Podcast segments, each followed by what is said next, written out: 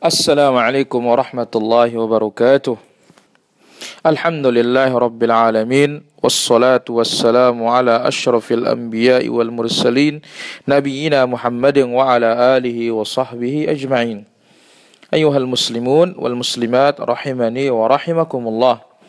الحمد لله pada kesempatan dan waktu pagi yang berbahagia ini Allah Azza wa Jalla berikan kita taufik kembali melanjutkan pembahasan kitab Syarah Al-Usul As-Sittah.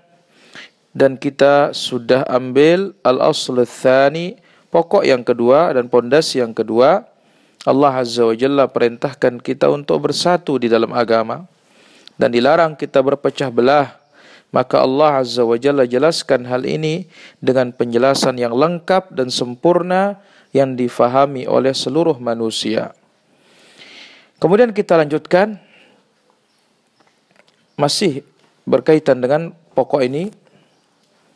Maka wajib bagi kita an najtami ala kitabillah. Bersatu di atas Al-Qur'an. Wa sunnati Rasulih sallallahu alaihi wasallam. Dan di atas sunnah Rasul sallallahu alaihi wasallam dan inilah yang akan menyatukan kita. Adapun kalau kita berbeda pendapat, berselisih pendapat, maka kita kembalikan ila kitabillah kepada Al-Quran wa ila sunnati Rasulih sallallahu alaihi wasallam dan kembali kepada sunnah Rasul sallallahu alaihi wasallam. La ya'dhuru ba'duna ba'dha wa nabqa 'ala al-ikhtilaf. Jangan kita saling toleransi dalam kesalahan. Tetap di atas perselisihan tidak boleh. Tetapi wajib kita kembalikan kepada kitab Allah dan wajib kita kembalikan kepada sunnah Rasul sallallahu alaihi wasallam. Yang sesuai dengan al-haq kita ambil. Adapun kalau salah maka kita tinggalkan. Dan yang salah wajib rujuk, wajib kembali kepada kitab Allah dan sunnah Rasul sallallahu alaihi wasallam. Dengan demikian umat ini tidak boleh tetap di atas perselisihan. Mungkin ada yang mengatakan bahwasanya ada hadis ikhtilaf ummati rahmah. Ya, perbedaan umatku adalah rahmat. Ini adalah hadis palsu. La aslalalah. Bahkan tidak ada dasarnya hadis ini. Perbedaan itu bukan rahmat. Justru perbedaan itu adalah azab Allah Azza wa Jalla.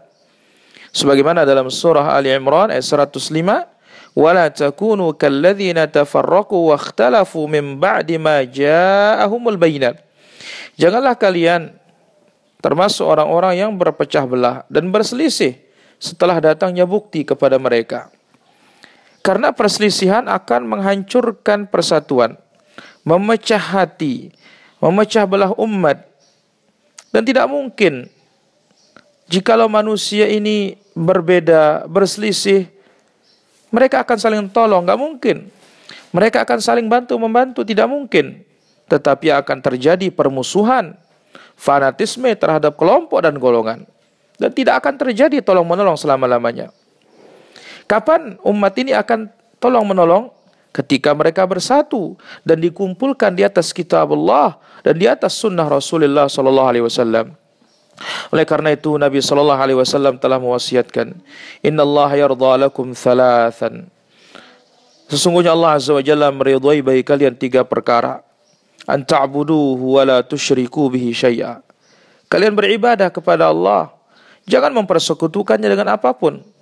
Wa an ta'tasimu bihablillahi jami'an wa la tafarraqu. Kemudian berpegang teguh dengan tali agama Allah Azza wa Jalla, Al-Quran wa Sunnah. Janganlah kalian pecah belah wa antunasihu man wallahu Allahu amrakum dan menasihati pemimpin-pemimpin kalian.